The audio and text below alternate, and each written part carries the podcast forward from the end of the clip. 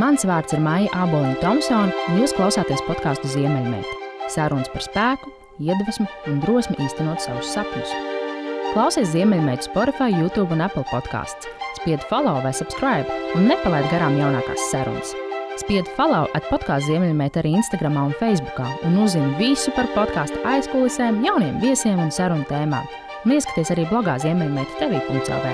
Nu ko, lai labi skan un tiekamies! Es vienmēr no sirds esmu apbrīnojis Young and Hungry, jaunos un pēc panākumiem izsalkušos. Viņiem šķietam diennaktī ir vairāk stundas nekā mums pārējiem, absolūti neizsīkstoša enerģija, pozitīvisms, un viņi ir ļoti lieli vizionāri. Un dāma, ar kuru es šodien sarunāšos, ir ļoti izsalkusi. Kaut minēšu tikai to, ka viņa jau ir iekļauta prestižajā Forbes 30 under 30 sarakstā kategorijā Management and Leadership. Šķiet, ka startups viņu veido kā smūtijas brokastīs, un jaunu zīmola radīšana ir gluži vienkārši viņas asinsrita. Nu, kā vai piemēram, izrādās, ka viņas pirmais bizness bija 5. klasē, ziedu veikals ar dārzā savāktām nezālēm. Bet, ja nopietni, viņa pirmā uzņēmēja gaitas, pirmās uzņēmēja gaitas viņa uzsāka uzreiz pēc skolas, 18 gadu vecumā, izveidojot savu pasākumu aģentūru, tad sekoja internetu veikals mājdzīvniekiem un pamēģināja attīstīt arī ūdens zīmola Amrita.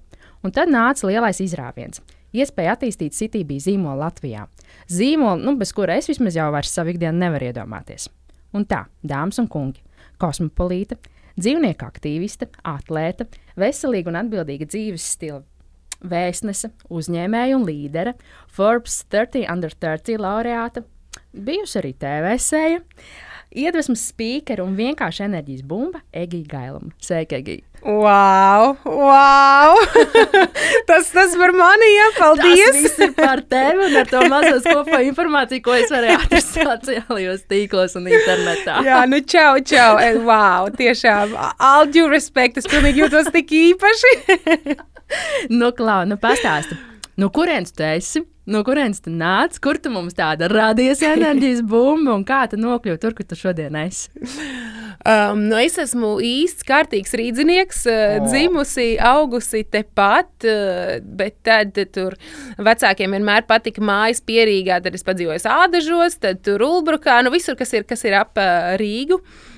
Tagad arī tepatās centrā vien arī uzturos un dzīvojos. Un uh, tu pieminēji ļoti skaisti nu, tos, tos pirmsākums ar tiem uzņēmumiem. Nu, tur gan ar to mājdzīvnieku internetu veikalu. Tu zini to stāstu, kas tur bija? Stāst. Okay. um, Jo tas īstenībā nāca pirms pasākuma aģentūras, un uh, tur mēs bijām kopā ar vēl vienu draugu. Mums liekas, bija 16 vai 17 gadi, un mēs izdomājām, mēs taisīsim internetu veikalu mājdzīvniekiem. Un tajā laikā Tātad, no, attiecīgi, nu, jau man ir 30, uh, tad tas ir kaut kāds nepilns 15 gadus atpakaļ. Internetu veikals mājdzīvniekiem nu, diezgan unikāla, radoša ideja. Jā, vai taisam, kas ir pirmās lietas, ko jādara? Starp citu. Kaut kādā weekendā redzēju filmu, kur tieši rādīja, mm, ka dāma aiziet no darba, un viņa tagad izveido savu uzņēmumu. Pirmais, ko filmā rāda, ir, viņa paņem lielu oficiālu. Acīm redzot, kaut kur tas bija galvā iesēdies, ka uzņēmums nozīmē oficiālu. Tad tas, ko mēs izdarījām, pirmais, mēs paņēmām vienu no ātrajiem kredītiem. Okay. Tajā laikā viņus deva pa labi, okay. pa kreisi. Vienalga, vai tu esi pilngadīgs, nepilngadīgs, vai tev ir ienākumi, nav ienākumi. Vienkārši tas bija tik īsi viņu dabūt. Es paņēmu kā, uz savu vārdu tātad, to ātrā kredītu, kas bija tajā laikā kaut kāda 300 lati. Nu, priekš tā laika arī diezgan daudz. Un priekš tā vecuma. Jā, tieši tā, jā, man likās, ka lielais piķis ir. Kā, piķis nav problēmas. labi, smaržo, labi jūtās plaukstā rokā. tieši tā, jā. Tad numur divi Mēs atradām uz mazās krasta ielas oficiālu. Uzreiz bija jāiemaksā pirmais un pēdējais mēnesis. Tur mēs principā iztērējām 90% no šiem 300 latiem. Bija kaut kādi, neatceros, 200, nezinu, 50, 280 lati jāiemaksā. Noslēdzām līgumu, nu, jo mēs, protams, paspējām noreģistrēt uzņēmumu, noslēdzām līgumu. Numur trīs. Mm, vajag kaut kur iegādāties tās preces, atradām piegādātājus, noslēdzām līgumus ar piegādātājiem. Un tad, kad šis viss bija izdarīts, es atceros to brīdi, kā mēs atvedām pufus uz to oficiālu, mēs sēdējām tur. Un tajā brīdī domājām, nu labi, ko tālāk? Mums nav mājaslapas. Mums nav klientu, bet mums ir oficiāls, mums ir piegādātāji, mums ir noreģistrēts SIA. Un, uh, jā, nu tā mēs arī bankrotējām. mēs turpinājām maksāt pēc tam to. Uh, aizdevumu, man liekas, kaut kādu pusgadu vismaz, abas metoties kopā. Jo, nu, kā, nu, tie ir 300 lati tajā laikā, vēl tiešām bija diezgan liela nauda. Un, nu, es vecākiem, protams, neteicu, ka es paņēmu ātrā kredītu. Man liekas, kā viņi man piežmiegs par to. Un tā mēs klusībā, no apmēram no katras kabatas naudas, ko tu saņēmi, likām tajā ātrajā kredītā. Un, bet mēs, protams, iedzīvojamies pamatīgos procentos. Mums auga tie procenti vienkārši tā, ka tu mm. nespēji maksāt tik ātri, cik mm. viņi auga. Man liekas, es nezinu, mēs tur cik tur pārmaksājam, kad 30% man liekas stabili. Un, nu, jā, tā bija mana lielā mācība. Un tad pēc šī man nāca tā pasākuma aģentūra, kas bija tā kā, ok, ko es varu izdarīt bez naudas, bez telpām, bez resursiem, Ah, uztaisīt aģentūru un paprasīt priekšapmaksu. Ok, let's do this. Vai ne? Tas ir vislabākais, ka tu dabūji mums tādu reālu spērienu. Yeah. Tādu, nu, in your face, re, kā tas biznesa īstenībā notiek, un pēc tam tu aiziet pilnīgi pretējā virzienā. Yeah, yeah. Kas ir tas, ko tev vecāki mācīja? Nu, kad tu augi, kā viņi veidoja tavu. Uh, dzīves uztveri, kas ir tas, ko viņi tev mācīja. Arī tagad, nu, 15 gados, uh, paņem foršu oficiālu, paņem tā aizdevumu. Tas ir tāds nu, diezgan normāls domāšanas veids. Okay. Man laikam ļoti noveicās, mani vecāki pēc būtības ir tādi. Nu, Viņi īsti neko vispār neuzspiež un, un nemēģina nenormāli mācīt kaut ko. Nu, viņi vienmēr bija par to, ka, nu, ej, pamēģini, nu, kas sliktākais, kas notiks. Es nezinu, vai viņi bija domājuši, ej, pamēģini paņemt ātrā kredītu. Droši vien, ka nē, bet, bet viņa tā pieeja vienmēr bija par to, ka, jo es īstenībā, ka es biju pavisam maziņa. Nu, ar maziņu, es domāju, nezinu, tur septiņi, astoņi. Es īstenībā biju drausmīgi kautrīga ārprātā kautrīgi. Ja mēs kaut kur aizgājām, es principā pieķēros mammai pie kājas, un es varēju nosēdēt stundām ilgi viņai pie kājas, vienkārši ciemos, kamēr visi pārējie bērni savā starpā jau spēlējās, darās. Un manā mamma vienmēr kādas trīs reizes man aiz rociņas veda pie bērniem. Viņa tā, tagad paliec šeit, viņa atskrien atpakaļ, burtiski divas minūtes es esmu atpakaļ pie viņas.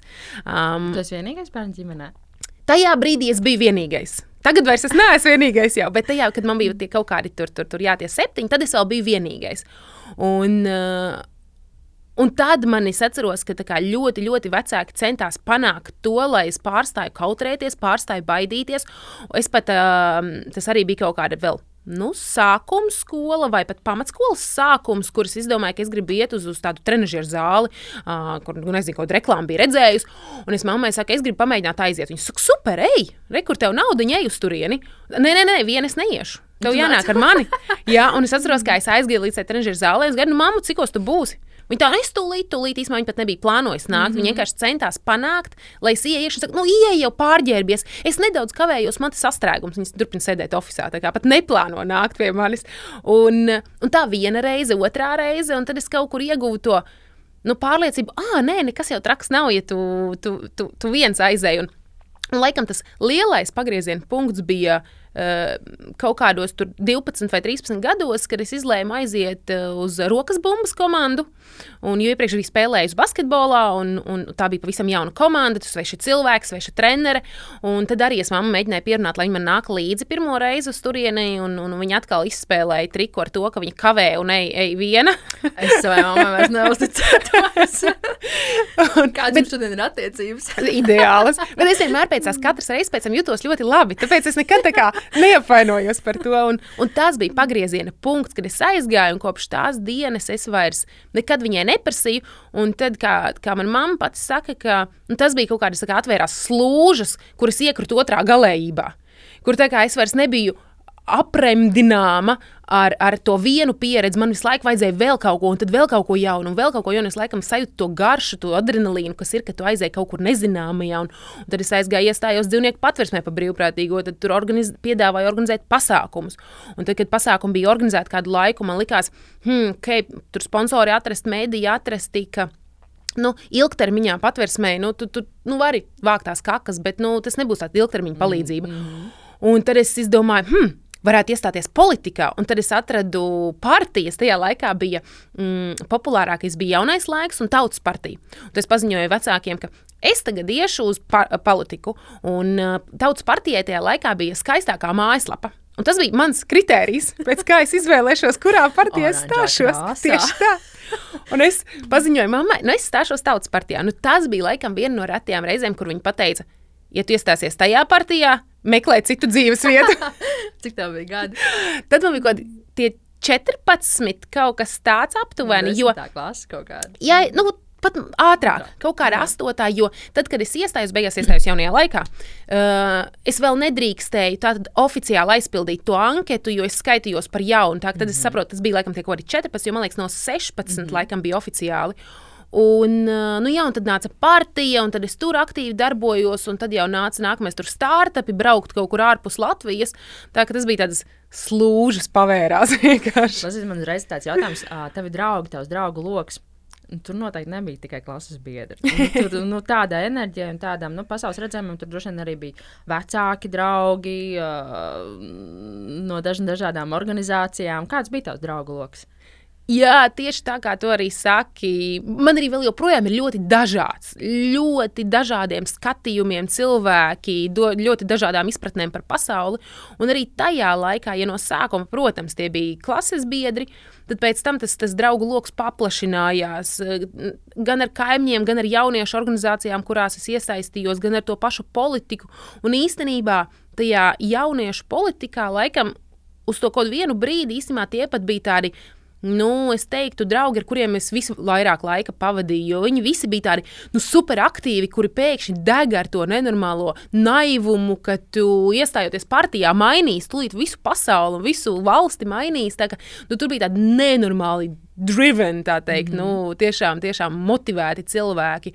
Un, un tā kā es tur patvērsmi un suņiem darbojos, tad man bija tik dažāds redzējums, un es tik ļoti pateicīga par to, jo uh, es tagad esmu izveidojusies par to cilvēku, es nekad nenosodu neviena viedokli.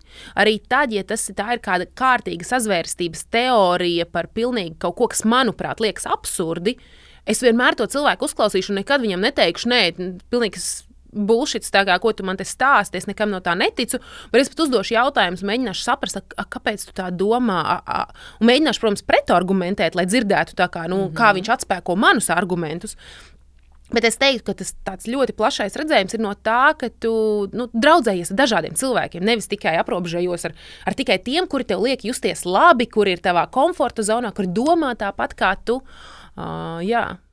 Hei, maza reklāmas pauzīte! Mana profesionālā mīlestība ir ilgspēja, biznesa un attīstība. Es palīdzu uzņēmumiem norentēties ilgspējas jautājumos un izstrādāt ilgspējas stratēģiju, kas iet roku rokā ar biznesa mērķiem, Eiropas Savienības likumdošanu, pasaules tendencēm un inovācijām. Tas patiesībā ir stāsts par ilgspējīgu domāšanu, kas caurstrāvo visus biznesa procesus, tostarp adekvātu ilgspējas mērķu izvirzīšanu, detalizētu aktivitāšu plānu, sasniegto rezultātu mērīšanu un gal galā arī saprotamu komunikāciju darbiniekiem, klientiem un sadarbības partneriem.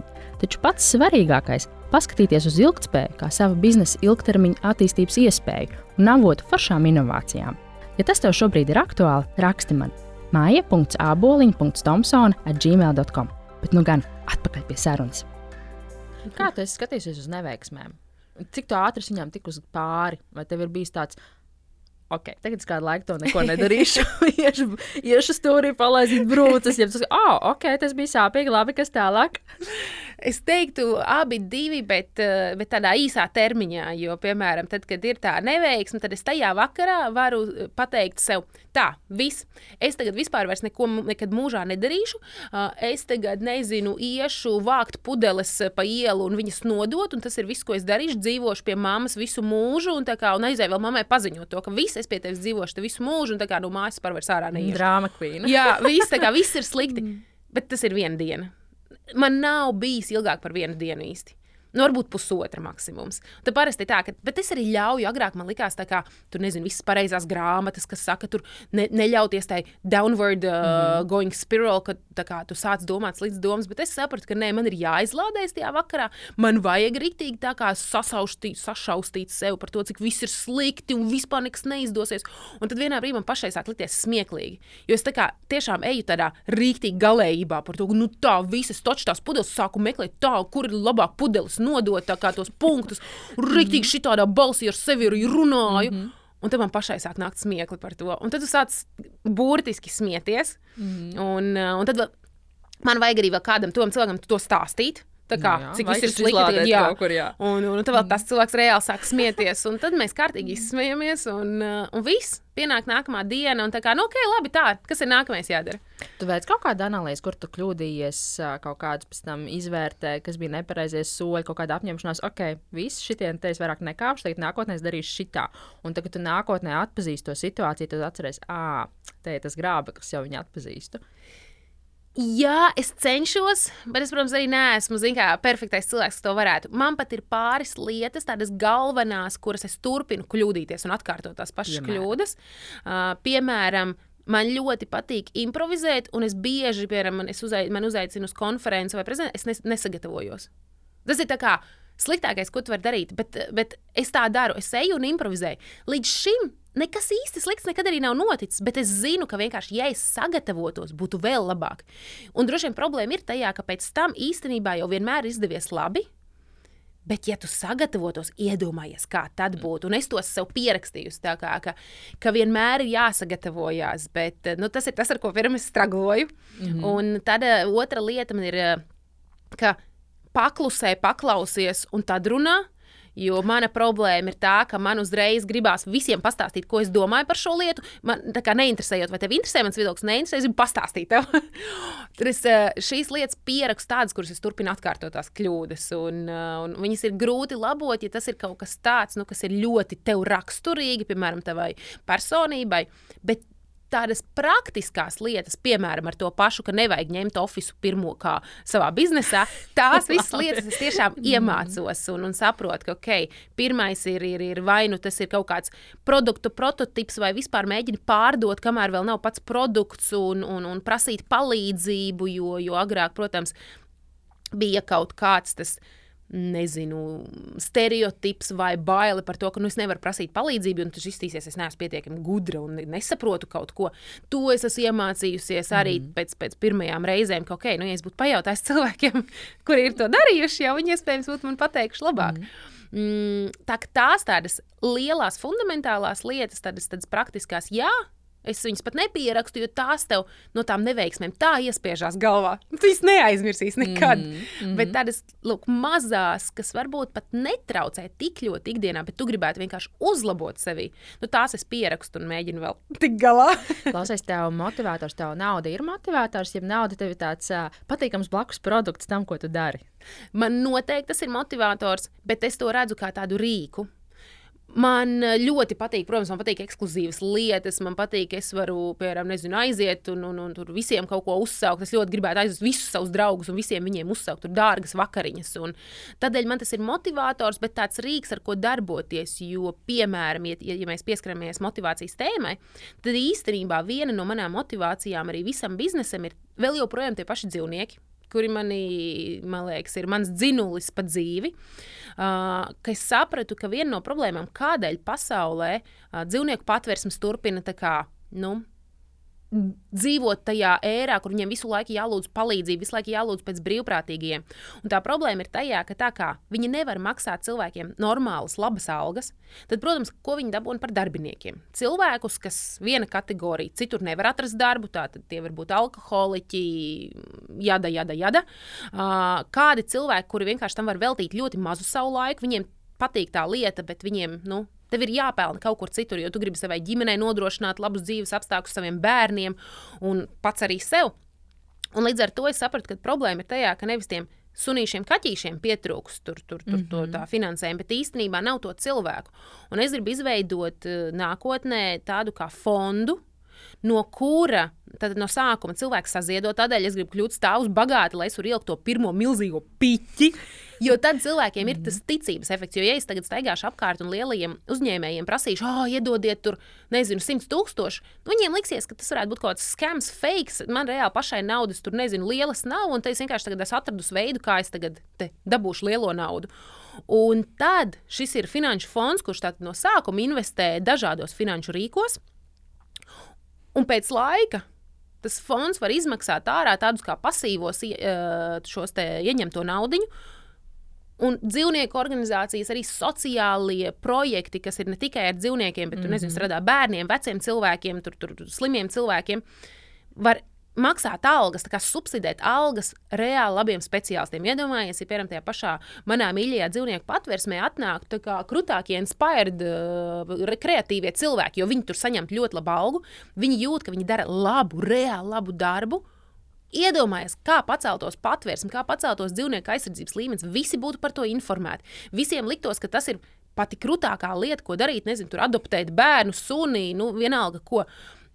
Un, uh, līdz ar to tā ir tā mana lielākā motivācija. Un, lai pie šī tiktu, man vajag to reāli daudz naudas lai es varu viņu pirmkārt izveidot, lai es varu pat ielikt, un, ja gadījumā nav, piemēram, pat cilvēki, kuri grib arī likt savu naudu iekšā, mm. tad lai pietiek ar tikai to, kas man ir, ka es jau ir ielikt tur, nezinu, pāris miljonus, jo, nu, tur savācot pāris tūkstošus, diemžēl, nu, tas efekts būs maziņš. Nu, tad tos pāris tūkstošus mēs varam vienkārši saziedot katru gadu Ziemassvētkos. Un, nu, jā. Nu, viņam arī visu laiku ir jā, jāuztur, un tur visu laiku ir jābūt jā. naudai. Tas jau nav arī. Nu, tas mākslinieks, ko tu sāki, viņš jau ir. Mm, ne tikai uz dzīvnieku patvērsni, kā jā, saka, tas jā. ir pilnīgi jebkurā labdarības kur mm. vien tev ir kaut kāds brīvprātīgais, lai tu dabūtu tiešām kvalitatīvu arī pēc tam tas rezultāts, kā tu pareizi saki, piesaist eksperti, uzreiz arī problēma tiek atrisināta pilnīgi jā. citā līmenī, un tad ar laiku mēs saprotam, ka, ok, varbūt mums vispār vairāk nav sociāla problēma. Mm -hmm. Tieši tā, informāciju daudzi vēl joprojām nezina. Es, kad dzirdu apkārt, ka cilvēki stāsta, jā, un tajās patvērsmēs ar tām gāzes macētos dzīvniekus nostumētāts. Ko? Nopietni, tu to tikko teici 22. gadā. Tā kā tiešām tev vēl joprojām tā liekas, ka tā notiek, un ir vesela cilvēku grupa, kur turpina izplatīt šo informāciju, jo tā bija. Tā tiešām 90. gados bija. Mm. Bet tā nav jau pēdējos 20 gadus, apmēram. Bet cilvēki joprojām dzīvo šajā informācijas telpā, un, un nav pietiekami labu resursu un cilvēku, kuri tātad nu, kliedētu visas šīs baumas. Jā. Klausies, tu esi bijusi gan Amerikā, gan arī Singapūrā.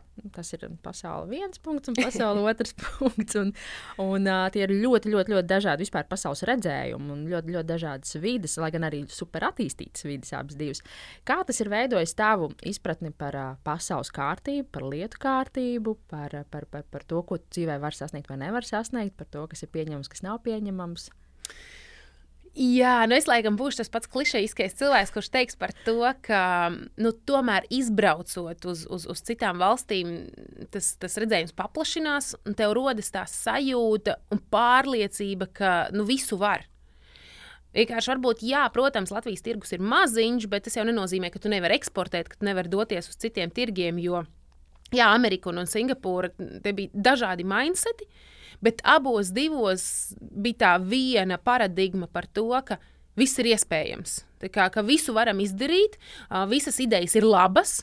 Ka nav sliktu ideju, var visticamāk ir vienkārši vai nu slikts execution, vai ir slikts timings, vai vienkārši nepietiekami resursi. Principā trīs no, no, no galvenajiem faktoriem.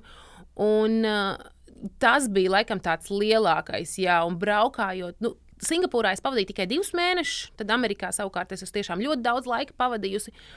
Un tur es iegūtu tādu kaut kādu to pārliecību, jā, ka, nu, ka, ka nav tādu šķēršļu. Protams, būtu vieglāk, ja tu būtu piedzimis tur, jā, protams, jo kā arī citi ir, ir, ir teikuši, ka, nu, ja Ilons Masks būtu piedzimis Latvijā, Nu, viņam tas prasītu daudz vairāk laika, lai tiktu līdz tam līmenim, bet tas mhm. nenozīmē, ka tas ir neiespējami. neiespējami tas vienkārši tā. nozīmē, ka nu, nav ko sūkstīties par to, ka, ah, bācis, man ir grūtāk. Nu, tas, tas ir ok, tas ir normāli. Nu, mēs jau arī nezinām, kādas problēmas savukārt viņiem tur ir. Jo tāpat laikā liekas, ka Amerika ir tāda lielā iespēja zeme, bet tur esot, es sapratu, jā, bet tāpat laikā konkurence ir tik milzīga un mežonīga, ka daudzi, protams, lielākā daļa no tiem cilvēkiem jau netiek tur augšā. Un īstenībā tāpat laikā, tādā Latvijā, kad tu ieraugi vispār to apmēru, kas ir iespējams, tu vari atbraukt uz Latviju un izsisties ļoti ātri, jo mums ir maza konkurence. Mm -hmm. Tev, tev, tev pat nav īsti. Jā, nu tieši tā, un līdz ar to izsitoties šeit ātri. Tu patiesībā pēc tam tev ir tāds sava veida tāds credential, ar kuru tu vari doties arī tālāk tajā pasaulē. Jo, protams, jā, nu, viņi skatās, ah, nu, mazā Latvija. Bet ar visu to, piemēram, māksliniekiem, ja tu vari Amerikā parādīt to, ka par tevi ir rakstījuši mēdī, ka tu tur esi bijis savā veidā slavens, tu īstenībā diezgan viegli vari dabūt pat vīzu tur. Pamēģini, piemēram, nezinu, ja tu esi tādā milzīgā tirgu, tur kaut vai paņemam to pašu Vāciju, un tad panākt, ka tu esi slavens, pat tevi raksta mēdī. Nu, tas īstenībā ir grūtāk nekā tādā Latvijā. Tādēļ nu, tur man liekas, tas ir tāds, tāds, tāds komplicēts. Man liekas, ir obligāti jāaizbrauc, ja ir iespēja. Tagad mm. gan ir mhm. tik daudz organizācijas, piedāvā dažādus braucienus, īpaši jauniešiem. Ir, ir tiešām pilns ar organizācijām, kas piedāvā apmaiņas braucienus. Vasaras braucienus, un, un, un tas pats Buffs, kas ir Baltika American Freedom Foundation. Viņiem ir dažādas programmas, ar kurām var braukt uz arī Ameriku. Un, nu, ir, ir kaut kāds tas, tas, tas nezinu, maģiskais, apmēram tāda tabletīte, ko tu apēdis, un tev liekas, ka viss ir iespējams. Un otra lieta ir, ka mm, tu iemācies tādu. Ne, nekautrēšanos, nu, ja man likās, ka es neesmu vispār kautrīga, vairs, nu, labi, biju bērnībā, bija, bet ka vairs vispār neesmu. Mm. Aizbraucot uz Ameriku, tur man likās, ha, wow, šeit nekautrīguma līmenis ir pavisam kas cits, jo, nu, Es Latvijā cenšos, bet es jūtu, ka man ir tik un tā grūtāk darīt, kā Amerikā. Ka, ja es, piemēram, nezinu, tur, tur eju pa ielu, un, un man liekas, ka pretī nāk cilvēks, kur tur nezinu, o, tev forša jāka, es cenšos sevi pierunāt tajā brīdī, tā arī viņam pateikt. Nedara tā Latvijā. Tas tāpat kā no rīta Ziemassvētku rītā novēlēt pretī nākošam priecīgs Ziemassvētks. nu, tā ir, jā. Tā ir. Es zinu, tas ir tā kā jocīgi, bet man tik ļoti patika tur tas efekts, ka, ka cilvēki tiešām, un daudzi saka, jā, bet tas ir fakes. Bet, zini, nu man vienalga, pat ja viņi tiešām smaida, un tas nav patiesi, viņi vienkārši smaida, bet tas man liek justies labāk. Tā kā tev liekas, ka pasaule ir priecīgāka, visi ar tevi parunājās. Tur pie, ceros, pirmā reize man Amerikā, pirmais veikals vakars. Es iepērkos, un tur sēž tāds jauns puisis kasē. Un viņš sāk man jautāt, ko es šovakar darīšu ar ko es esmu atbraukusi. Un es domāju, Kāpēc oh, oh, jā, es domāju, oh, oh, tā man jābaidās, man ātri jānokļūst mājās. Droši vien kaut kāds krīps, saprotu, ka es esmu iebraucējis, tūlīt man nolaupīs vēl kaut ko. Mm. Un es saprotu, ah, nē, viņi to prasa pilnīgi visiem. Tā kā neviens neplāno tev pievienoties līdzi, kur dodies. Viņi vienkārši parunājas par to, ka, nu, kā iet. Un, jā, tā, es ļoti gari izplūdu, bet katrā ziņā man liekas, ka jebkurā gadījumā, izbraucot no jebkuras valsts, arī tāpat amerikāņiem vienmēr iesaku, kuriem runā, aizbrauc uz to Eiropu. Jūs ieraudzīsiet pasauli citām acīm. Kultūra, valoda, ieraudzīt, ka cilvēki domā citādāk. Jā, nu, man liekas, tas viss ir vienkārši fundamentāli. Uh, ja tu gribi daudz dzīvē sasniegt, nu, tev ir jāiemācās pieņemt arī citas kultūras, pieņemt citus cilvēkus, pieņemt citus viedokļus. Jo, ja tu tikai moči ar, ar vienu savu, ne, nu var jau kaut ko sasniegt. Mēs redzam no esošās situācijas, ka ir cilvēki, kuri kļūst slaveni ar savu vienu ideoloģiju. Bet eh, nu, diezinu, vai tas ir kaut kas tāds, uz ko mēs uz vēlamies tiekties pasaulē. Tieši tā. Starp citu, runājot arī par tādu mm, mindsetu, kurā brīdī tev sāka interesēt viss, kas ir uh, zero waste, super, super veselīgi. Jo tā ir, nu, tā ir mana sirds tēma, ilgspēja, un, un, un, un, un, un tu esi to ļoti aktīvi savā dzīves stilā jau ieviesus iekšā. Tā vispār tāda liela tēma, kas jaunai paudzei ir ļoti aktuāla. Kad arī mēs skatāmies pēc visiem jauniem pētījumiem, kad no jaunieši, Gen Z, īpaši, kad stājās darbā, tad viņi ļoti skatās, vai viņu amats ir arī kaut kādā veidā piesaistīts kaut kādiem sustainability mērķiem, un vai viņiem būs kaut kāda tā jēga tam vispār tam, da, tam darbam, un viņi varēs sniegt kaut kādu pasaulīgi mm. ieguldījumu problēmas risināšanā. Kurā mirklī tev tas kļūst par tādu aizraušanos? Nu, nē, nu, tā, tā nav aizraušanās, bet dzīvesveidu. Un, un, un, un, un, un, un, un tu, tu arī esi uh, forši teikusi, ka tev ir ļoti svarīgi atstāt to pasauli beigu foršo, nu, lai viņi arī paliek tādi. Un ka tu mm. nevis patērē, bet tu gribi viņus audzēt, viņai dot pretī. Man tas īstenībā arī sākās diezgan jau agrā jaunībā, kur es nezināju, kas ir zero waste tā, nu, tas, tas termins diezgan mm -hmm. pēdējos gados tikai ir, ir kļuvis un vispār tā informācija par to, ko tas nozīmē. Bet uh, es jau jaunībā neņēmu maisiņus. Es visiem protestēju, ka kādi maisiņi man somiņa, kabatas, visas bija pilnas ar visiem banāniem, āboliem, uh, burkāniem. Bet es kā, atteicos ņemt. Es kādreiz paņemu maisiņu, tas tiešām nu, nav, nav variantu, viņu tiešām vajag paņemt. Bet, bet es jau laikam tas vairāk aizsākās arī ar to, ka es pievienojos dzīvnieku patversmei. Un tā dzīvnieka aizsardzība ļoti ietver arī vispār to kopējo dabas aizsardzību. Un, un tur savukārt satiekot tos cilvēkus, viņi man stāstīja par to, ko tas nozīmē vispār tātad, dabas piesārņojums, vegetārisms. Okay. Jo, nu, es diezgan teiktu, ka tas arī bija tāds pagrieziena punkts, no kura brīža es biju tāds. tāds diezgan hardcore vegetārietis, un uh, tagad jau es, ui, kur tie gadi, kad es sēdu gaļu pēdējo reizi. Un pēc tam, jo tā informācija vairāk nāca, uh, tad es apstiprināju to savu iekšējo sajūtu par to, ka, nu, ka man visu laiku bija tā sajūta, ka metot ārā tās lietas, nu, ka man visu laiku kaut kur iekšā urdēts jautājums, kur tas paliek? Kur tas paliek? Nu, es zinu, getliņu un tā tālāk, bet tā kā, nu, Arī Nezinu, tur tas simts... viss lielā kalnā sanāk beigās kopā. nu, jā, tieši tā, bet nu, 100 gados, 200 gados, nu, kur jā. tas viss paliks? Un, uh, tā ka man tas ir vienkārši bijis kaut kas tāds, es teiktu, diezgan dabiski nācis, papildinājis. Ir tāda dzīvnieku tēma, kas man no bērnības bija ļoti tuva. Tā vienkārši papildināja to visu. Un pēc tam es noteikti neesmu simtprocentīgi zero waste cilvēks. Es redzu, nu, priekš manis arī nu, tas ir grūti. Nu, tur ir diezgan jābūt ļoti, ļoti spēcīgai pārliecībai, lai pārietu uz tādu simtprocentīgu. Uh, Es vienkārši daru visu maksimāli, kas ir manos spēkos. Nu, mēģinu tur samazināt, jā, tur, tur, tur, cik es lietoju maisiņus, mēģinu ņemt līdzi arī tos pašus papīra maisiņus. Cerēs, cerēs protams, aizmirst, lai nebūtu jāņem atkal tas jaunais papīra maisiņš, jo nu, viņš jau tomēr tiek arī no kaut, ko, no kaut kā ražots. Oi, tie jaunie papīra maisiņi man sāpīgi tēma ir veiklos, kad uh, tu paņem to maisiņu, tu ieliec iekšā trīs ābolus, un tad tev tie āboli ļoti skaisti aizskrien pa visu grīdu. tu it kā centies būt uh, saudzīgs, uh, neizvēlēties izvēlēties to plasmas maisiņu.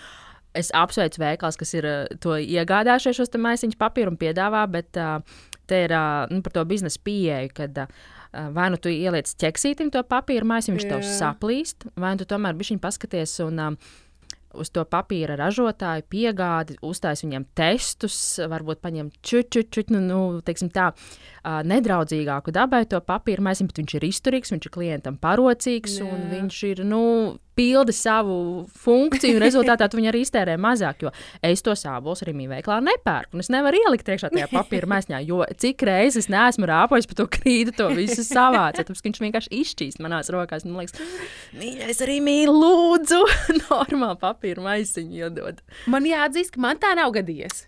Man tiešām nav liela ģimene. man, nē, bet man vienmēr tas maisis ir pilns. Tas, tas, tas papīra maisis man ir reāli pilns. Un es vienmēr domāju, kurš būs tas brīdis, kad man tas viss vienkārši pa zemi aizies. man regulāri. bet man pagaidām vienīgais, kas man ir noticis, man ir um, rokturītis noplīsis. Mm. Tas ir bijis vienīgais kā, lielākais, kas man ir noticis ar tiem papīra maisiņiem. Bet es cenšos, protams, arī parastos kā, nu, tos, tos audumu maisiņus un tos ņemt līdzi. Bet tieši citreiz ir tā, ka tu ej veiklā tev jau ir grozs pilns, un tad saproti, ah, maisiņš mašīnā. Ah, nu, forši. forši ka tas maisiņš līdzi mašīnā. Ka mums arī ir maisiņš līdzi mašīnā. Apmēram, jā, bet tiem tagad piestiprināt tie, tie pīksteni nevar jau iet ar to groziņu. Nu, absolūti, atnesīs to tās atpakaļ. bet tev vajag skriet pakaļ.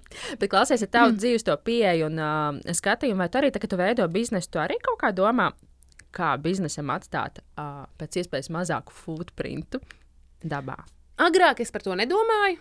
Tātad uh, visos tajos pirmajos biznesos kā, tas kaut kā man nesalikās kopā, ka tas sustainability var būt arī biznesā.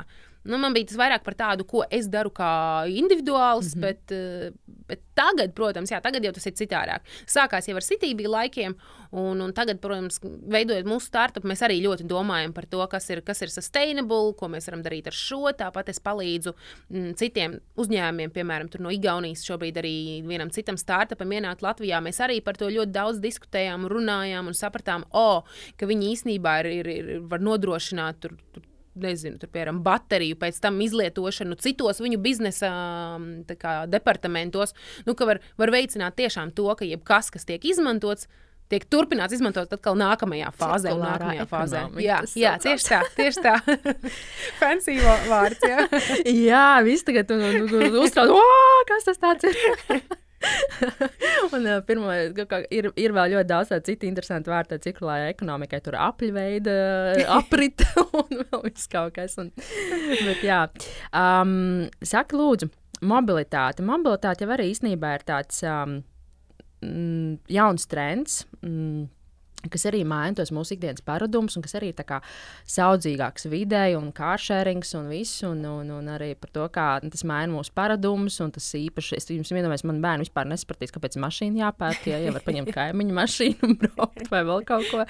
Um, kur tu redzi, uz kuriem tā mobilitāte iet, uz kuriem viņi attīstās, kāpēc mums viņa ir svarīga, un kas ir tie nākamie punkti, ko mēs vēl varam sasniegt tajā mobilitātes principā? Jā, nu, par trendu viņš kļūst tiešām pēdējos gados. Un uh, kāršēringā kā tādā, piemēram, tagad beidzot ir sasniegts tas punkts, kur viena kāršēringa mašīna potenciāli var aizvietot no 7 līdz 15 privātajām automašīnām. No jaunas iegādes atturēt cilvēkus.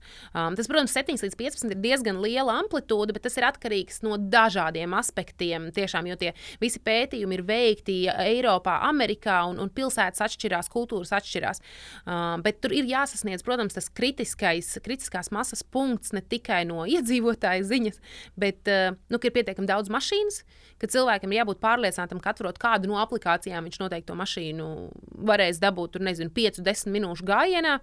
Un, un tajā brīdī, jā, cilvēki vienkārši mazāk iegādāsies privātās automašīnas un attiecīgi ikdienā parasti klasiski privāta automašīnas uh, izmantošana ir apmēram 5% no visa laika, 95% no laika mašīna stāv pie oficiāla vai pie mājām, tad uh, kāršēriņa mašīna tiek izmantota patiesībā nu, pat visus savus 50% no laika, jo uh, ir, protams, mašīnas, kuras nostāv, bet, bet lielākoties, piemēram, par dienu viņa visu laiku brauc nu, ar kaut kādām pauzītēm, nu, un tad pa nakti, jā, nu, pa nakti viņas pārsvarā guļ un uh, guļ. kur nu kura nav nolikt? Tieši tā. Un uh, kopumā ir tas, ko tu jau arī minēji, ka tā Gen Z tiešām vairs nesaprot, kāpēc, kāpēc būtu jāiegādājas mašīna, kādēļ tam būtu jātērē nauda un jākomitojās uz vienu konkrētu mašīnu. Tagad, ko es ar viņu darīšu pēc tiem trim gadiem? Tāpēc es teiktu, ka uz tādu ļoti nākotnī, ne tuvākajā, es domāju, tur piecgadē, desmitgadē, bet tādā tālākā nākotnē tā arī būs, ka principā mm, privātā automašīna būs tā kā tāds, nu, luksus produkts. Nu, piemēram, zirgi. Nu, tas bija ļoti neprocīgs veids, kā pārvietoties ne, starp pilsētām un visur. Bet zirgi vēl joprojām nav, nav izgaisuši. Viņš ir kļuvis par tādu hobiju, par, par cilvēkiem patīk. Tagad, piemēram, nezinu, tur daudzi pilsētās grib izbraukt ar zirgu pajūgu. Un līdz ar to arī tādā tālā nākotnē es redzu, ka tās automašīnas arī paliks par tādu. Nu, hobiju, piemēram, iespējams, izgaisīs tādas ļoti, nu, cilvēki neies pirkt tur, tur, tur vienkārši automašīnu. Nu, ja tu ej pirkt, tad tu pirksi kaut kādu, tur nezinu, Bentley, Lamborghini, mm -hmm. tur, tur mhm. Rolls Royce, nu, kaut ko īpašu. Un lai mājās garāžā pūlē, tieši tā, sasveicināt. Tieši tā, nu, kaut kāds tur weekend, ja, weekend auto, piemēram, varam nosaukt to tā, ka, ka tas būs tāds weekend mm. auto, kur tev jādoties tur, nezinu, road tripos, izbraucienos, tur priecāties, baudīt dzīvi, un, un bet tādai ikdienas šai commuting uh, daļai, ka tas būs kāršērings, tas būs tā uh, saucamais mazais šērings, kas ir tātad visi skūteri, riteņi. Uh, līdz ar to arī tam pieaugs ļoti, ļoti vērtība. Tāpat sabiedriskais transports, jo īstenībā kāršērings un mobilitāte nemaz neatņem no publiskā transporta, kā daudziem mm -hmm. cilvēkiem liekas, jo īstenībā ir otrādi. Cilvēks, kurš šobrīd pārvietojas privātā automašīnu, ir praktiski neiespējami viņu dabūt sabiedriskajā transportā.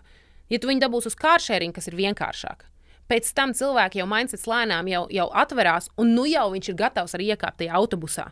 Līdz ar to patiesībā tas papildina pat, pat visu to infrastruktūru. Līdz ar to es domāju, jā, ka tālā nākotnē privāti auto būs tādi ekskluzīvi weekend auto Un viss pārējais sastāvēs lielākoties no kāršēringa, mikrošēringa un, un, un tā tālāk. Manā ģimenē tas jau notiek. nu, re, re. Manā ģimenē tas jau notiek. Mēs atteicāmies no otras mašīnas tīrdē, tā ka mēs pārētājām, cik mums izmaksā uh, leasings, uzturēšana, apkope, yeah. degviela, cik mēs reāli viņu nobraucam. Un ka tu, tu taču vari paķert to mašīnu, aizbraukt tur 10-15 minūtēs, atstāt, nemaksāt par viņu autostāvvietu, nedomāt vispār neko. Un, ja vien viņi ir pietiekami pieejamā daudzumā, un tev nav 15-20 minūtes jāiet un mm -hmm. jāmeklē viņi, tad viss ir super, super fini. Un tās izmaksas mēneša griezumā, tu esi vienkārši reāls vinnētājs patiesībā. Tie ir, ir viens mazs, zin kāds mīnus Nu, nu, tā, kad nu. tu pierodi braukāt ar kāršēriņu dienu, dienā, dienu, dienā, un tad es uh, vienu dienu ar vienu privātu auto aizbraucu, noparkojos uh, tepat uz Tērbats ielas un aizgāju uz pāris stundām. Un te es nāku atpakaļ sots. Es tā, oh, pareizi, parkings jāmaksā. Toties, es esmu sīka, ja mēs esam izmēģinājuši, mums trīs nedēļas mēs dzīvojam tikai vienīgi uz Siriju biju, un mēs izmēģinājām, man liekas, visus modeļus. Jā. Yeah. Oh, mamma, šis te auto nerulē. O, oh, braucam ar šit, šitas auto rulē. un viņiem reāli jau tāds, nu, ok, viņi saprot, jau no mašīnām, kā ar ko atrast, yeah. tīroks no, no, no Toyotas, piemēram, vēl kaut ko, viņam jau ir savs viedoklis. tu iegūsi tādu ļoti labu spektru to sajūtu. Yeah. Un runājot par to um, līderības garu tevī un to iespēju ieskatīties nākotnē. Kaut kā tā, man liekas, sanāca, ka tev to sitību bija sanācis attīstīt pandēmijas laikā. Un tas ir tāds laiks, kad uh, Tas ir uh, force majeure laiks. Tev nav neviena grāmata uzrakstīta biznesā, ko darīt ar savu biznesu, kā viņu attīstīt, kā tikt pāri visiem tiem izaicinājumiem, problēmām. Kā tu uh, spēji to kuģi uzlikt uz pareizā viļņa un, un, un pacelt viņu, un no kurienes tu smēlēsi to informāciju, vai tu vienkārši gāji uz čūjas ņūs, tā teikt, ja tu tomēr nu, skatījies, lasīji, pētīji, domāji. Nu, jā, nu, tas sākums bija mums 19. gada marts. Attiecīgi, tad vēl nebija pandēmija, tad mēs nolaunčojām kravas busus. Nu, tad jums bija rozā brīļa periods. Jā, jā, jā, tad bija kravas busi tikai. Pēc kravas busiem vasarā paņēmām skūterus, un tad 2019. gada 1. oktobrī palaižām 180 vieglās automašīnas. Un tas ir tad oktobris, un, un februārī jau viss februāris, ir, ir totāls šoks. Jā. Um, Līdz ar to man bija nedaudz noveicies, ka to galveno komandu es jau biju izveidojusi pirms pandēmijas. Tad tas, tas, tas nu, core teams bija jau tajā brīdī, ka tev nav mm. gluži jāmeklē cilvēki tajā brīdī. Bet, nu, kas nāca uzreiz, tāds šoks bija, ka nu, tā tad Citīgi pieder lietuviešiem. Un, un, protams, ka viņi tajā brīdī arī saprata, ka, ka nu, ir ziepes un, un, un ir jāapgriež izdevumi. Un skaidrs, ka ir Viņi atsūta man ziņu, ka nu, tā, mēs budžetu apgriežam šādi, šādi, šādi. Tev ir jāizvēlās no kura komandas locekļa, tev no viena ir jāatsakās. Vai pareizi sakot, viņi iedeva man summu, no kuras man ir jāatbrīvojas. Tad, mm -hmm. attiecīgi, tu vari tur, nezinu, kad, zin, kā tiem, mm -hmm. katram komandas cilvēkam ir citādāka alga un, attiecīgi, pats izdomā. Tas bija laikam mans pirmais šoks zem jostas vietas. Jo nu, es tos visus cilvēkus biju atlasījis tādus, kā apmēram pat ne speciāli, bet nu, kā tev grāmatās raksta, ka nu, izvēlējies cilvēkus, ar kuriem tu gribētu kopā sēdēt, nezinu, tur, tur, tur kaujas laukā, cilvēks, ar kuriem tu gribētu kopā braukt ceļojumā. Un es tā arī tos cilvēkus biju izvēlējusies, kuri man patika, ar kuriem bija jautri, forši, pat ja viņam nebija varbūt tieši atbilstoši to skilu tad, nu, zināju, ka okay, mēs to iemācīsim. Bet tas cilvēks, re, kur ir attieksme, re, kur ir gribas spēks aiziet. Un tajā brīdī tu saproti pats. Tev no, nu, reāli kā, no viena ir jāatsakās.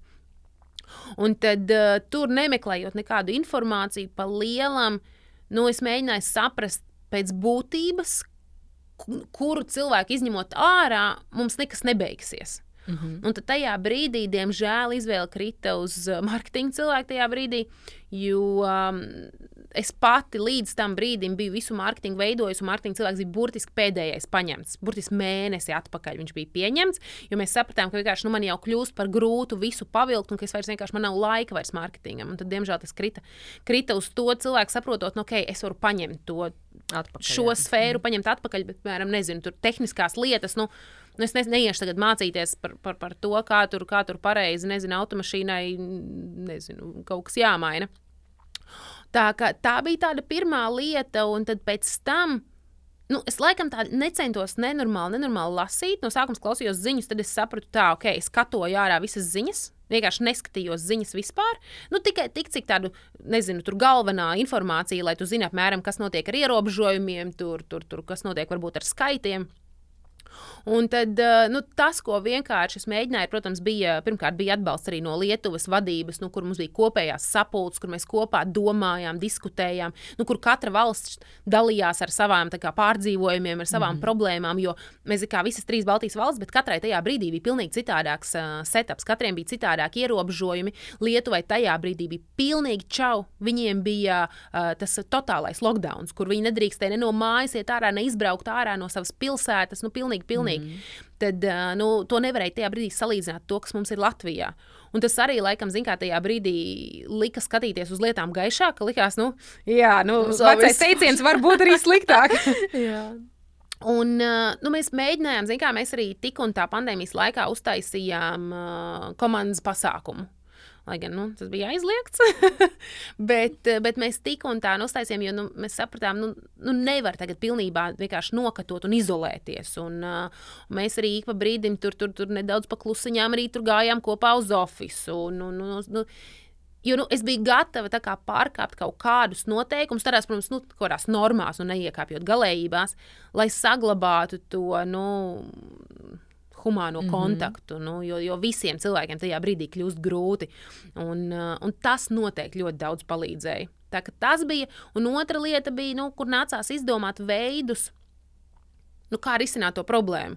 Tad tas, ko mēs tajā brīdī izdomājām, ir, ha, mēs varētu izveidot uh, zonas, kur tātad tiek nodoti testi. Un, ja kāds iebrauc ar mūsu automašīnu šajā zonā, automātiski automašīna iet karantīnā, tev pabeidzot braucienu, neviens cits to mašīnu nevar paņemt. Jā. Līdz ar to tajā brīdī kopā ar mūsu to PR, PR cilvēku mēs sākām komunicēt to arī mēdījiem par to, ka lūk, mēs šādi darīsim. Un, un, un, un tā bija laba ideja, jo pēc tam arī mūsu pārējie tirgus dalībnieki to pašu pārņēma un arī ievies tādas pašas procedūras. Un, Tas palīdzēja, protams, cilvēkiem saprast, ka, ok, no šo mašīnu, ja kāds ir braucis tiešām uz testu, kas nozīmē, ka viņam ir simptomi, nu tad neviens nav braucis.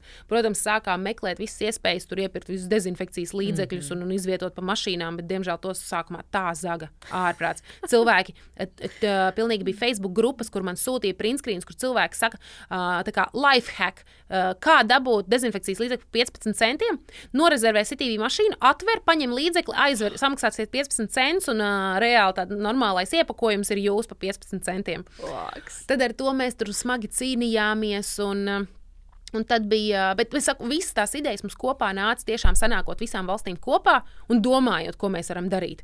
Un tad uh, nākamā ideja bija tā, tad mē, pamēģināt piegādes servisu. Nu, tad, tad, mhm. attiecīgi, cilvēki tajā brīdī mazāk braukā, jo nu, daudz ir, ir, ir pateikts, ka jums jāsēž mājās. Tad mēģinājām piegādes servisu. Nu, tas bija laikam pāris mēneši, un tad sapratām, ka Neviens no mums neko nesaprot no tā tirgus industrijas. Un, kad divi mēģinam, it kā kaut kas iet uz priekšu, bet, bet kaut kā mēs nespējam tās, mm, nu, kā lai pasaka, tās izmaksas sabalansēt, sabalansēt mm. tā, lai, lai tam būtu liela jēga un pievienotā vērtība. Mums kaut kā sanāca visu laiku, ka tās izmaksas ir tikpat, cik ieņēmumi. Rezultātā, nu, kur tad tā jēga ir? Mm. Un tad tas, tas projekts arī mums, protams, ka mēs mēģinājām tos pāris mēnešus, bet nu, tad, tad, tad mēs viņu arī nokancelējām. Bet, ja jārezumē, tad es teiktu, tā, ka tajā brīdī nu, nebija jau nekādas informācijas, kā rīkoties. Mm. Nebija man pieredze nekāda krīzes situācijās. Tur vairāk bija tāds, kā paļauties uz savu gut feeling, uz, uz iekšējo. Otrs atbalsts un komunikācija ar, ar tiem, kas ir līdzīgā situācijā mūsu gadījumā. Tad visu valstu pārstāvji un, un attiecīgi arī headquarters ar viņiem regulāri sazvanīties, regulāri runāt. Jo īsnībā runājot, pat mētājot it kā stulbas idejas, pēkšņi otram kaut kas aizķerās, un viņš izmet nākamo papildinošo ideju, un, un tā kaut kas radās. Un trešais faktors, protams, nu, ka es saprotu, ka ir noteikumi un, un, un, un likumi un tā tālāk, bet, bet nu, es tomēr paliku pie tā, ka, ka nu, man ir savi cilvēki tomēr plus mīnus kaut kā jānostāda priekšplānā un ar visu to, ka varbūt, nezinu, nu, tur pirmajā brīdī jā, nu ievērojam pilnīgi visu, tad pēc tam, nu jau paši savā iekšienē sākam vienoties par to, ka, nu, cik, cik mēs brīvi, brīvi atļaujamies kaut kādus tos noteikumus varbūt nedaudz pārkāpt, lai saglabātu veselo saprātu un tie cilvēki justos labi un, un vienam nebūtu vēlme tur pateikt, ka viss, es jūku prātā, rītā nebūšu darbā, ņemu slimības lapu, jo nezinu vispār, ko darīt un ko ķert un, un, un ko grābt. Tas tas, kas šobrīd notiek pēdējās nu, jau 12 dienas, uh, kad uh, tu nezini, kā atslēgties. Jo tu vispār nespēji fokusēt savus smadzenes. Un uh, ļoti daudz uzņēmumu, ko esmu pamanījusi, uh, ļauj cilvēkiem iedarīt brīvprātīgo darbu, ļauj iet strādāt vienkārši dārzā, vienkārši ej, dari, mm. atslēdzies, jo no tevis tāpat tās nebūs nekāda jēga. Ļoti daudz projektu tiek apstādināti, nu, iepauzēti, mm. vairs uh, uzņēmumi atsakās no degošajiem deadlineiem reāli, jo nu, ir jādod cilvēkiem iespēju noņemt no sevis to stresu. Un tas uh, volunteerings tagad mums īstenībā Latvijā, kas man likās, ka, ak, Dievs, kamēr mēs vēl līdz tam volunteering kultūrai nonāksim, tur jēzus tik daudz. Tagad pēkšņi vienkārši 12 dienās mums ir volunteering kultūra augšā. Mums gan uzņēmums supportē, viņi viņus skaita kā apmaksātas darba dienas un darba laiku. Viņi neapstādina tāpēc cilvēkiem Jā. darba samaksu. Cilvēki iet, viņi dara, viņi sajūt visu to feeling, ko tas tev sniedz, nu, morāli un, un, un visu, un ir tā jēga. Un kā mm. Covid pazuda 24. februārī no mūsu agendas, vienkārši mm. vienā dienā. Tagad, kas ir Pāvils? Tagad mums ir divi citi kungi, kuriem mēs sekojam līdzi. Tā ļoti interesanti. Un um, tu runāji par komandu un par cilvēkiem un kā tu to veido. Uh, Mēs esam tādā interesantā arī laikā, kad eh, šobrīd eh, komandas, eh, komandās sāk nākt trīs paudzes satiekās. kad tu veidoji savu komandu, tu skatījies vairāk savus paudzes cilvēkus. Un, ja tu augsi un attīstīsies tālāk nākotnē, vai tu skatīsies arī dažādu pauģu cilvēkus, un kā, kā tu redz, kā vispār šīs trīs paudzes var sadarboties savā starpā? Man īstenībā bija pilnīgi visas paudzes. Oh, Man bija, ja mēs bijām, nu, mēs nebijām pārāk milzīgi komanda. Mēs bijām 11 cilvēki. Diviem bija 45, 50, kaut kas tāds. Uh, tad bija burtiski, kuriem bija 19, 18. Nu, un tad bija arī manējā pa vidu tam, tam visam. Tā kā man bija, man bija visas. Nē, man godīgi vispār gada skaitlis pilnīgi neko nenozīmē. Tā ka tiešām no sirds dziļumiem tā kā absolūti nulle man tas, tas neietekmē. Jo citreiz es dzirdu, ka cilvēki, kādi draugi, kur ir amatos, kuri pieņem citus cilvēkus, un saka, oi, oi, bet, nu, jā, nu, bet tur jau gadi nebūs tā enerģija. Un, un es īstenībā vienmēr esmu teikusi, dod iespēju parunājies, vismaz vienkārši satiecies intervijā, un tad tur redzi, ja tiešām tur nav nekādas enerģijas, un cilvēks ir dzīves nomākts, tad nu skaidrs, jā, nu tev varbūt nederēs. Tāpēc man, jā, man pārsvarā vienmēr ir attieksme spēlējusi numur viens. Attieksme. Kā tu dedz par to lietu, vai tu tiešām to gribi darīt. Un uh, es laikam arī diezgan ticu, kas varbūt izklausās smieklīgi, tam, ka tu diezgan piesaisti cilvēkus tādus, kā, kā tu skaties uz pasauli. Tu piesaisti tādus cilvēkus, jo uh, lai vai kā, es tiešām nevaru sūdzēties. Man bija dažādi pauģu cilvēki, bet man ar viņiem bija viegli. Viņi visi dega par to lietu.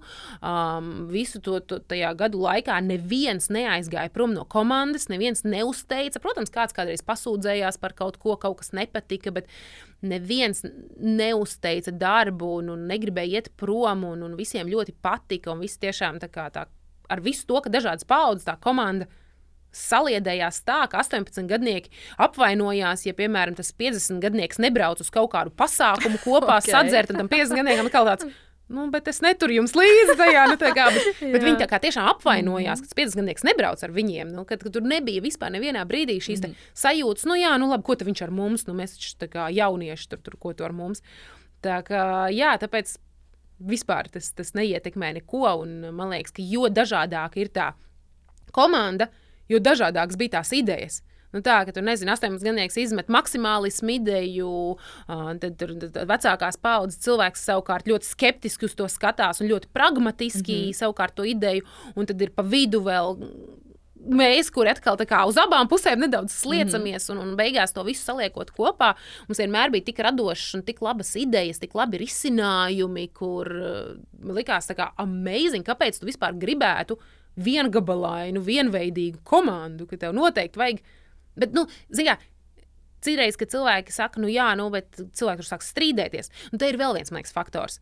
Tiem cilvēkiem ir jābūt tādiem, kuri visi spēj pieņemt to citādāko. Jo, ja, protams, tu saliksi kopā piecus ļoti karstasinīgus, galēji labējus, galēji kreisēji, kre, kre, kreisējus. kreisējus. ja tu viņus visus saliksi kopā, mēģinās panākt superīgu komandu, arī nestrādās. Viņi mm. strīdēsies vienā laidā. Tur ir jābūt tam, tam balansam, kur cilvēki ir atvērti. Tātad attieksme un tev ir atvērts prāts, latviešu sakot, open-minded. Mm -hmm. Man liekas, tās ir tādas, laikam, divas svarīgākās lietas, vismaz manā skatījumā. Un tagad, kad um, City bija noslēdzies, ir ielikts plauktiņā, tur ir rīktīgi daudz ir atziņas gūtas, ir uh, sajust vēl lielāku sevi jauda. Un kas tagad ir tālāk? Kādi nākamie mērķi? Ko tagad dari ar visu to pieredzi, ko tu esi uzkrājusi pēdējo gadu laikā?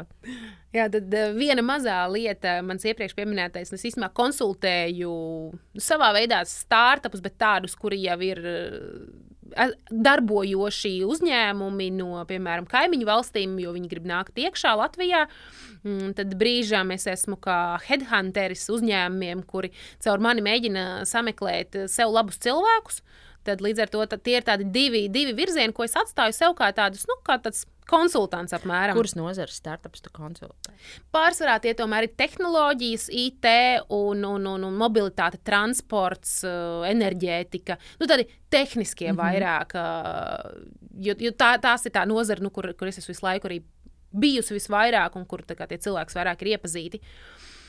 Un tad ir otrā puse, kas ir tātad mans arī pieminētais startups, kas arī būs uh, mobilitāte Un tad es eh, tev varu atklāt, kā, kā pirmajai, okay. ka mums tā tad eh, viņš sastāv no vairākām stadijām, un pirmā stadija ir testa stadija, kuru nu jau mēs tūlīt, tūlīt laidīsim augšā, un uh, visi varēs apstīties. Mums ir spaceship.lv, kas oh, tad ir kosmosa kuģis. nosaukums. um, bet tas pagaidām ir tikai um, tātad sijā nosaukums. Mums būs arī zīmola nosaukums, bet pagaidām mēs testa režīmu palaidām ar šo. Tātad uh, mēs piedāvājam šobrīd cilvēkiem iznomāt Teslas automašīnas. Mēs gribam redzēt, kā cilvēki rēģē uz Teslām, kā cilvēki rēģē uz šo. Tas nav pagaidām kāršērings. Tas pagaidām ir tikai, tikai testam, lai mēs saprastu, tātad, ko mēs tālāk varam darīt ar šīm un kā mēs tālāk varam virzīties mobilitātes virzienā. Tāds mūsu virsmērķis ko mēs gribētu sasniegt kādu dienu, ir um, principā tāds affordable energy. Tātad uh, enerģija, kas ir pieejama visiem, uh, varbūt ar to mēs nedomājam. Tagad mēs ražosim tieši elektrību kā tādu, bet dažādos alternatīvos veidos, kā tu vari piedāvāt cilvēkiem tad, tad ar enerģiju. Vai tās ir automašīnas, vai, vai, vai tas ir kaut kas cits no sustainable puses, bet ka tu to vari cilvēkiem piedāvāt tiešām tādā um, nu, lēti izklausās slikti, bet pieejamā cenā. Mm -hmm. Jo bieži vien uh, arī visas eko, bio, šmeko lietas, kas, kas arī man ir sirdī tuvas, nu, viņas diemžēl vienmēr ir dārgākas. Un tas arī ir saprotams, kādēļ tev izēvielas dārgāks, pieprasījums mazāks, līdz ar to nu, tev, tev attiecīgi cena iet uz augšu. Mm, bet mēs gribam nonākt līdz mirklim, ka mēs dažādus šos enerģijas veidus varam tātad par pieejamu cenu, lai cilvēkam nav, ja, ja šobrīd par tām pašām elektroautomašīnām, nu, tev gribās to elektroauto, tev apmēram ir divas versijas, nu, tā pa lielam. Tev ir uh, labi, skaisti, forši auto, kā Taikans, e-trons, tur uh, Mercedes. Bet tie tur maksā no 100 tūkstošiem un uz augšu. Uh, un tad tev ir otrs gals, kas tev ir, es ceru, neviens neapvainosies. Tur Renault Zoe, Nissan Leaf. Nu, uh, tad ļoti vienkārši autori, kuriem tu brauc, bet tu negūsti to baudu. Un tad tev ir tā vidējā kaut kāda tā vid, vidēji premiālā klase, kā tur, piemēram, nezinu, BMW 3. sērija, tur arī 5. sērija, tur Audi A4, kuri tā tad iekrīt šajā vidus kategorijā, kur nav tur luksus, luksus, luksus. Bet tev patīk, tu reāli baudi to braukšanu. Ir stilīgi. Tieši tā ir stilīgi. Un, bet, bet tad tev ir sanāk, lai tu būtu sustainable, to enerģiju izmantot. Tev ir nu, savā veidā tev ir nu, jāsakrifaiso šis, šis, šis sava vēlme izpausties un baudīt to braucienu. Un tad mēs lūk, gribam nonākt pie tā, ka mēs varēsim piedāvāt šīs Teslas cilvēkiem par šo pieejamo cenu, kur tev vairs nav jāizvēlas. Status, komforts, jautrība, excitements un tā tālāk, vai būt mm -hmm. tā, tad tur, tur dabai draudzīgs, sustainable un tā tālāk. Bet, kad, nu, tu izrādās vari dabūt abus divus. Un... Zinu, man liekas, ka tie, kas brauc ar Teslu, tie mazāk domā par dabai draudzīgu. Tie domā, tas ir jauni, tas ir moderni, tas ir stilīgi, tas ir kičīgi, tas izstāsta dārgi, un tā ir baigā bauda. Jā, un nē, Zini, kā tur arī dalās tie cilvēki. Bet pats labākais ir tajā, ka tā grupiņa, kurai ir vienalga varbūt par to dabu, ka rezultātā Viņi pienes labumu. Tas gan nu, ka, ka rezultātā viņi, tā, jā, viņi varbūt pat mm. speciāli to neizvēloties, bet tādēļ vienkārši tas ir tik trendīgi un Ilons Masks ir, ir super cilvēks stāsta veidošanā. Jo, nu, kā mēs zinām, visi zīmoli ir par un ap stāstu. Mm -hmm. Tad, uh, tad, jā, nu, tad rezultātā viņš ir panācis to, ka, ka, ka cilvēki grib izvēlēties šo. Un, un, protams, ir daudz arī pretinieku, tur elektroautorātu, kuri saka, nu, ka, nu, ko tur baigi ietaupīs. Nu, tā jau ir. Nav tā, ka elektroautorāta tagad ir nulle izmeši. Bet tomēr tas ir kādi vismaz 30-40% mazāk izmešu visā, visā procesā. Man liekas, ka elektroautorāta lielākais šobrīd challenge, ja tā var teikt, līdz šim ir uh, baterijas. Jā, protams. Baterijām, kuras uh, ātri vien nobeidzās, kuru izgatavošanā ir uh, diezgan daudz mm. unsustainable lietas. Un ko arī tāds uh, autobrands kā Volvo jau ir uh, arī pierādījis, ka uh, īstenībā pat reizēm viņu dīzeļdegvielas automašīna ir vidē draudzīgāka nekā viens elektroautorāts, tāpēc ka viņam tā baterijas mūžs ir daudz, yeah. daudz, daudz īsāks. Bet tas ir, to mēs esam zinātnes rokās, viņi to ātri atrisinās un tur viss būs nenormāli superīgi. Un, uh, Vai tas nozīmē, ka Rīga drīz būs pilna ar Teslām, un ka tas nebūs tā, pats, pats, pats, ka Tesla aizbrauc? nu, pilna nē, bet, bet noteikti varēs pamanīt viņas vairāk, lai gan mums nebūs tur um, kaut kādas tur milzīgas uh, uzlīmes vai milzīgas tur, tur, tur pazīšanās zīmes, jo mēs tomēr gribam saglabāt to, ka, nu, ja tu ar viņu brauc, tad tu vari justies tā, kā apmēram tā būtu tava. Dievs, tev tur ir brauks uz randiņu.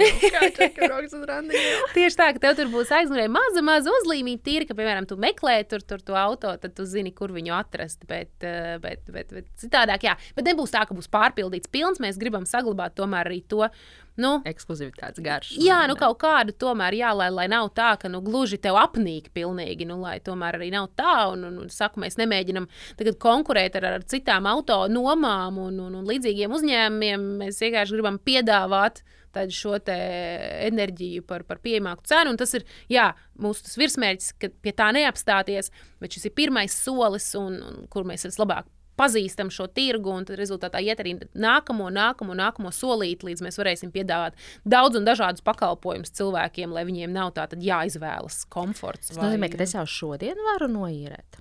Um, tu vari jau pieteikties, bet noīrēt tu varēsi apmēram pēc divām nedēļām. Ah. Okay. Bet, bet pieteikties okay. var jau tagad, jā. Tad es jau varu no serijas ierezervēt sev vakaru restorānā, jā. jā. Pēc jā, divām nedēļām. Ideāli. Klausies, kas ir tavs padoms um, jaunajiem uzņēmumiem vai, teiksim, um, tiem cilvēkiem, kas šobrīd plāno sākt savu uzņēmējdarbību? Nu, tiem, kas plāno, tad pirmais, lūdzu, neņemiet kredītu no oficiāla. to atstājiet vēlākai fāzei. Um, es teiktu tā, ka pamēģināt pārdot to savu lietu, vēl viņu reāli neuzražojot.